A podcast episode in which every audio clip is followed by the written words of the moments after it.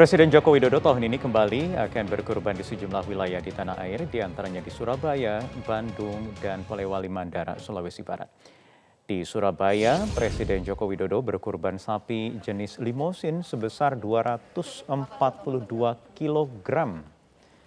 Di Masjid Al-Akbar, Surabaya, maksud kami 1,2 ton di Masjid Al-Akbar, Surabaya. Sapi asal Probolinggo, Jawa Timur ini rencananya akan disembelih satu hari setelah Hari Raya Idul Adha. Kemudian di Bandung, Jawa Barat, sapi jenis simental, simental berbulu coklat dan putih merupakan salah satu sapi kurban dari Presiden Jokowi. Sapi berusia tiga setengah tahun ini memiliki bobot nyaris satu ton. Dan di Polewali Mandar, Sulawesi Barat, Presiden juga membeli seekor sapi seharga 80 juta rupiah. Sapi jenis simental ini berusia 4 tahun dan memiliki bobot 1 ton 1,8 ton.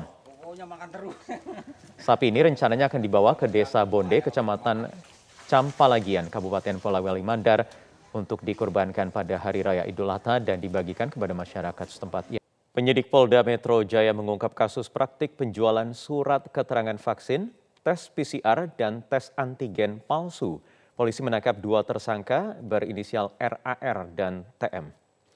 Kabit Humas Polda Metro Jaya, Kombes Polisi Yusri Yunus mengatakan kedua tersangka memasarkan jasa pembuatan surat palsu lewat media sosial. Setelah mendapatkan pesanan, mereka mencatut nama klinik tertentu untuk memalsukan kop surat vaksin, tes antigen, dan juga PCR dengan harga yang beragam. Yusri mengatakan tersangka mematok harga surat keterangan palsu mulai dari Rp50.000 hingga Rp100.000 per surat. Sistem pembayaran dilakukan melalui transfer bank dan top up pulsa. Dari keterangan tersangka, warga yang menggunakan jasa ini biasanya adalah para pegawai yang diharuskan memiliki surat keterangan untuk perjalanan kerja. Atas perbuatannya kedua tersangka dijerat pasal 35 Yunto pasal 51 ayat 1 Undang-Undang Nomor 19 tahun 2016 dengan ancaman hukuman 12 tahun penjara. Masukkan beberapa lab yang dia temukan dari juga uh, media sosial yang ada, kemudian itu yang digunakan satu aplikasi untuk bisa menarik uh, lab maupun rumah sakit yang ada tinggal mereka mengisi data permintaan dari orang yang minta untuk dibuatkan swab PCR juga vaksin kartu vaksin palsu sertifikat vaksin COVID-19 seperti ini contohnya. Polres Brebes, Jawa Tengah menangkap seorang pria pelaku penyebar berita bohong atau hoax soal demo PPKM darurat yang digelar di alun-alun Brebes lewat media sosial Facebook. Video itu sempat viral dan meresahkan masyarakat. Polisi kemudian menangkap pemilik akun Facebook, Kang Marcel Milagros Brebes, yakni MK, pria warga desa Kedung Tukang. Saat menjalani pemeriksaan, pelaku mengaku mengunggah video aksi unjuk rasa yang didapat dari kiriman video di grup WhatsApp. Tanpa mencari tahu kebenaran video tersebut, pelaku langsung mengunggahnya di akun Facebook miliknya dengan menambahkan keterangan lokasi di alun-alun Brebes pada Minggu 18 Juli. Pelaku kini mengaku menyesali perbuatannya dengan menyebarkan berita hoax. Kasat Reskrim Polres Brebes AKP Hadi Handoko mengatakan video yang diunggah pelaku merupakan video demo pada tahun 2020 lalu. Belum belum tahu bahwa itu ada demo apa tidak? Enggak ada kayaknya sih. Kenapa percaya waktu itu? Kata temen sih. Oh. Ya. Iya, aku mau sering temen. Berarti tidak tahu bahwa itu kebenarannya ya? Iya. Eh, sampai dengan saat ini masih mendalami motif dari pelaku itu untuk seperti apa. Uh, Mudah-mudahan kita bisa uh, melaksanakan penyelesaian penyidikan sampai dengan tuntas. Jadi saya sampaikan bahwa situasi uh, kita ini sedang melaksanakan kebijakan pemerintah yakni PPKM darurat. Jadi kami mohon kepada masyarakat untuk lebih bijak ya, lebih berhati-hati dalam bermedsos. Jangan sampai apa yang masyarakat sampaikan di medsos itu malah menimbulkan Kan video yang diduga Ketua DPRD Kabupaten Ketapang, Kalimantan Barat, tengah berjoget dan berkerumun dengan masyarakat tanpa protokol kesehatan viral di media sosial. Dari dua video yang viral ini memperlihatkan diduga Ketua DPRD Kabupaten Ketapang tengah berjoget dan berkerumun dalam acara yang digelar malam hari.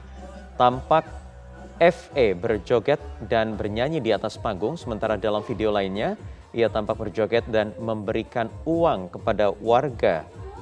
Kepala Bidang Humas Polda Kalimantan Barat, Kombes Polisi Doni Charles Go membenarkan video tersebut direkam pada saat reses Ketua DPRD Ketapang pada Sabtu malam 17 Juli lalu di lapangan voli Desa Muara Pawan. Doni mengatakan Polres Ketapang sudah melakukan penyelidikan dengan memeriksa enam orang saksi, salah satunya ketua panitia acara. Menurut Doni, pelaku pelanggaran bisa diterancam dijerat dengan Undang-Undang Karantina Kesehatan Nomor 6 Tahun 2018 dengan ancaman hukuman pidana satu tahun penjara dan denda 100 juta rupiah. Sementara itu saat ini, wilayah Kabupaten Ketapang masuk dalam zona oranye COVID-19 Jumlah kasus aktif di Ketapang saat ini mencapai 97 orang. Saat ini Polres Ketapang sudah melakukan pemeriksaan terhadap enam orang saksi. Kemudian kita akan terus bekerja untuk selanjutnya kita akan berkoordinasi dengan pihak kejaksaan, kemudian pihak pemerintah daerah berkaitan dengan surat edaran uh, tindak lanjut dari instruksi Mendagri terkait dengan uh, pemberlakuan PPKM mikro dan PPKM darurat di wilayah kita. Kita akan coba dalami, mudah-mudahan dalam waktu dekat kita sudah bisa menentukan uh, tersangka. Pemirsa ratusan kendaraan calon penumpang yang akan menyeberang melalui Pelabuhan Merak ke, uh, di kota Cilegon maksud kami di Banten ke Pulau Sumatera diputar balikan oleh petugas. Sempat terjadi aksi protes calon penumpang yang memenuhi pintu gerbang pelabuhan pada Senin pagi tadi.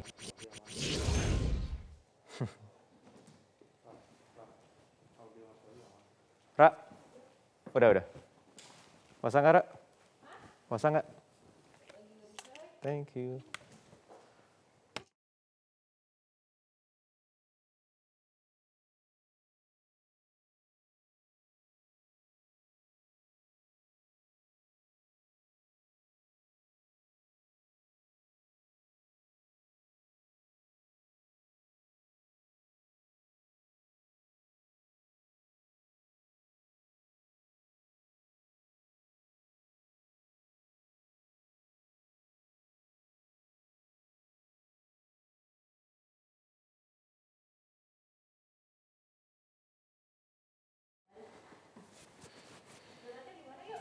Di tas gue ambil aja.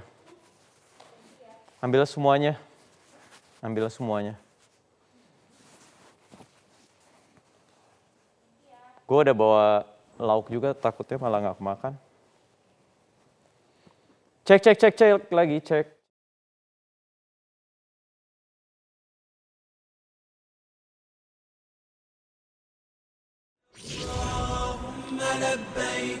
لبيك لا شريك لك لبيك إن الحمد والنعمة لك والملك لا شريك لك. لبيك اللهم لبيك لبيك لا شريك لك لبيك إن الحمد والنعمة لك والملك لا شريك لك. Pemerintah menerapkan pemberlakuan pembatasan kegiatan masyarakat darurat pada Idul Adha 1442 Hijriah karena angka positif Jelang pembukaan acara olahraga bergengsi Olimpiade 2020 Tokyo, penduduk lokal harus menahan diri. Pasalnya jam pengingat perayaan tersebut terpaksa harus dimatikan tepat di depan stasiun Tokyo untuk menghindari animo masyarakat yang berlebih dalam upaya mengendalikan pandemi. Penyelenggaraan Olimpiade Tokyo akan diadakan dalam keadaan darurat COVID-19 yang diumumkan oleh Jepang dengan mengurangi jumlah orang yang secara fisik akan datang di opening ceremony di National Stadium pada 23 Juli mendatang. Penyelenggara sedang mempertimbangkan untuk mengizinkan kurang dari seribu tamu VIP dan pejabat asing untuk menghadiri acara pembukaan yang akan disiarkan langsung sebelumnya direncanakan yang sebelumnya direncanakan akan dihadiri 10.000 orang. Stadion berkapasitas 68.000 penonton itu akan dibatasi hanya untuk tamu yang terkait dengan pertandingan, sementara para tamu dan sponsor diminta untuk menonton dari televisi. Pertandingan Olimpiade akan dilakukan secara tertutup di Tokyo, Chiba, Kanagawa, dan selang Hari Raya Idul Adha, petugas gabungan terus memperketat penyekatan kendaraan yang akan memasuki kota Bandung melalui gerbang tol Paster. Sementara itu, petugas gabungan juga memperketat penyekatan siaga tradisi Toron di Suramadu, sisi Surabaya, Jawa Timur. Informasi selengkapnya akan disampaikan oleh rekan-rekan kami. Yang pertama ada Andromeda Arizal dari Bandung, Jawa Barat, dan juga Catur Irawan yang saat ini ada di Jembatan Suramadu Sisi Surabaya. Selamat sore teman-teman. Saya ingin ke Bandung terlebih dahulu. Andro, bagaimana kondisi arus lalu lintas di gerbang tol Paster pada sore hari ini? Benarkah memang ada penambahan personel gabungan di sana dan juga titik-titik lainnya yang menuju kota Bandung? Di hari terakhir untuk pelaksanaan PPKM darurat uh, sesuai dari jadwal yang ada yang telah berlaku pada 3 Juli hingga 20 Juli.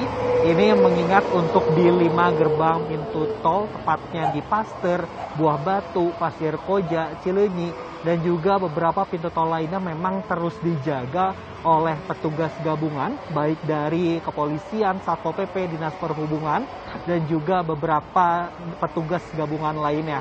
Untuk sejauh ini memang untuk di gerbang pintu tol Paster, memang selalu dijaga. Hal ini adalah untuk menekan laju masuk kendaraan dari luar kota Bandung untuk menuju ke kota Bandung. Penyekatan sendiri untuk di gerbang pintu tol Pasir memang tadi sempat kami pantau pada jam-jam tertentu. Misalnya pas saja pada tadi kita memantau pada pukul 8 hingga 11 siang, kemudian dilanjutkan pada pukul 13 hingga 4 sore. Memang penyekatan ini terus dilakukan. Tadi juga kami sempat memantau baik bagi kendaraan luar kota Bandung yang tidak dapat untuk menunjukkan surat bebas COVID-19 melalui surat antigen ataupun surat vaksinasi dan juga surat tugas memang tidak diperkenankan untuk masuk kota Bandung dan akan diputar balikan. Namun menariknya Wahyu dan juga pemirsa, ternyata cukup banyak juga ketika satu kendaraan yang tidak bisa lolos di gerbang tol Pasteur, misalnya saja ini lalu melalui gerbang pintu tol lainnya.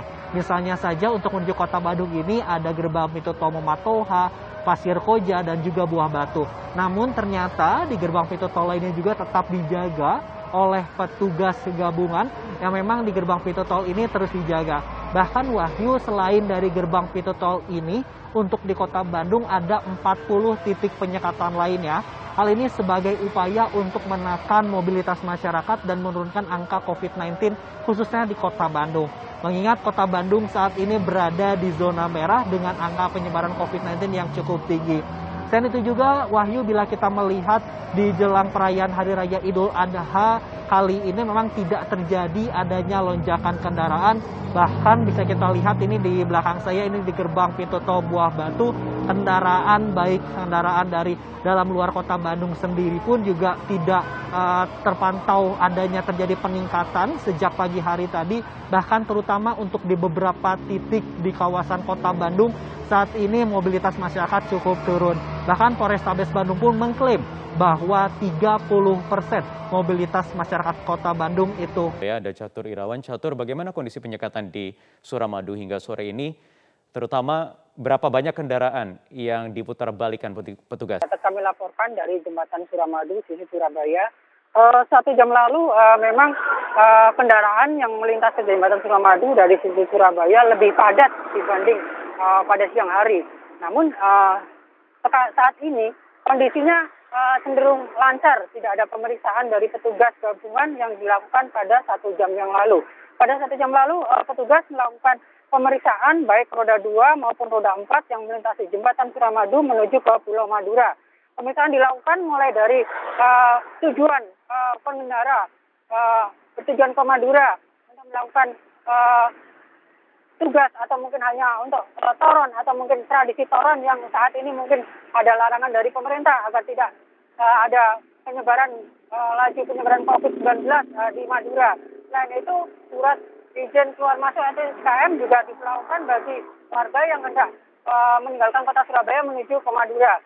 Selain itu, surat uh, bukti uh, vaksin atau minimal dosis pertama. Namun uh, dari pantauan kami di lapangan, uh, khususnya pengendara roda dua saat ada pemeriksaan, uh, banyak yang tidak bisa menunjukkan uh, kelengkapan surat-surat uh, yang diminta petugas.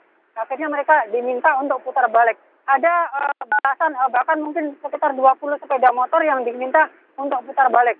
Mereka yang minta diputar balik harus pertama kali menyerahkan uh, KTP atau mungkin surat uh, STNK yang disita uh, petugas kepolisian kemudian sepeda motor mereka untuk dilakukan putar balik sehingga uh, saat mereka melakukan putar balik KTP dan uh, surat SNK itu baru dikembalikan uh, kepada pemiliknya. Hingga petang ini kondisinya uh, cenderung lancar, uh, petugas sudah kembali uh, tidak melakukan pemeriksaan, uh, hanya dilakukan pemeriksaan dilakukan secara acak atau di tertentu. Sehingga saat ini uh, kendaraan roda dua baik roda dua maupun roda empat bebas melintas uh, ke jembatan Suramadu menuju